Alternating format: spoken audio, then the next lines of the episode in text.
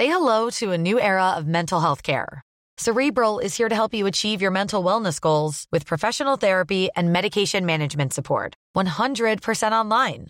You'll experience the all new Cerebral Way, an innovative approach to mental wellness designed around you. You'll get a personalized treatment plan from a therapist, prescriber, or both in a safe and judgment free space. Your cerebral therapist or prescriber will outline a customized plan with clear milestones along the way so you can get to feeling your best. With Cerebral, you're not alone in your mental health journey. We're here to empower you to live a fulfilling life. So take that first step towards a brighter future and sign up today at cerebral.com slash podcast and use code ACasts to get 15% off your first month. Offer only valid on monthly plans. Other exclusions may apply. Offer ends July 31st, 2024. See site for details. Vi hade byggt upp det som en slakt i vardande. Ett sista rop på hjälp, kanske rent av Erik Ten Hags begravning som fotbollstränare. Liverpool, som stod i 1.28 några dygn innan avspark, gavs fullt rimliga möjligheter att toppa de 7-0 man segrade med i våras. Men inför ett kokande, sjungande, publikrekordfirande och vibrerande Anfield, obs! Ironi! fick vi ett trubbigt stångande av en blodröd skalle rakt in i en för dagen välfungerande köttmur av defensivt inriktade bortaspelare. United var där för att hämta den poäng man startade matchen med och även fast Enka-Tänka återigen riktigt skevt var lyriskt över en brilliant performance så behövde man i alla fall inte be om ursäkt för att man bärgade en pinne via 0-0. Liverpools två tappade poäng får de skylla sig själva för. De innebar också att Arsenal återigen toppar Premier League-tabellen. Det slog inte gnistor om segern mot Brighton, men who gives a rat's ass? Inte Kajan Havertz i alla fall. Målskytt igen, om jag får be. Seger blev det även för Aston Villa, en hårdfäktad sådan efter att man vänt underläge till vinst borta mot Brentford. Unai Emery kan dock skicka blomsterkvasten till Ben Mee, som med ett idiotiskt rött kort i ledning 1-0 serverade spanjoren vändningen på ett silverfat. Och på tal om dumma, kostsamma röda kort, har ni sett Rally Jiménez röda borta mot Newcastle efter 20 minuter? Nej, men jag sa ju det. Det är bara att ställa sig längst ner på järntrappan igen. Fulham ner på jorden igen och Newcastle med tillbaka studs efter CL-uttåget.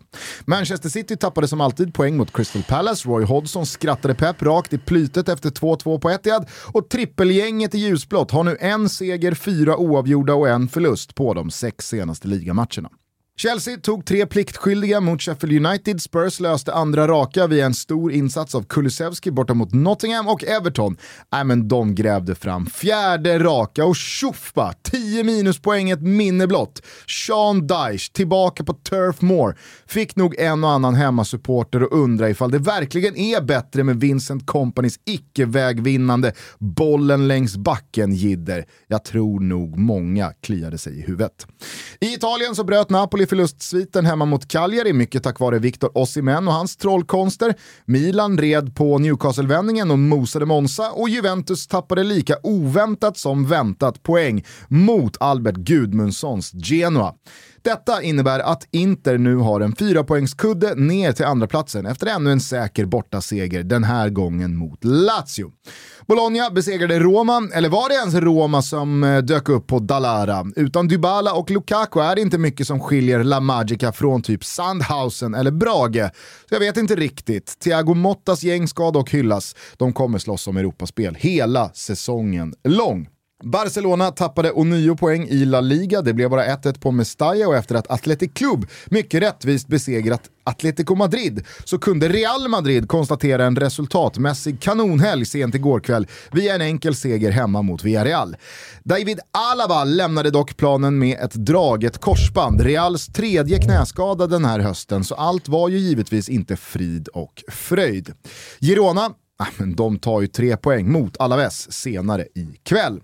Rubriken från Spanien den stod dock Sevilla för som återigen har sparkat sin tränare Diego Alonso klädd i all black for his own funeral hemma mot Getafe konstaterade en ny 3-0-förlust och han lämnar nu efter 12 matcher i La Liga och Champions League utan en enda seger. La Ligas Frank de Boer.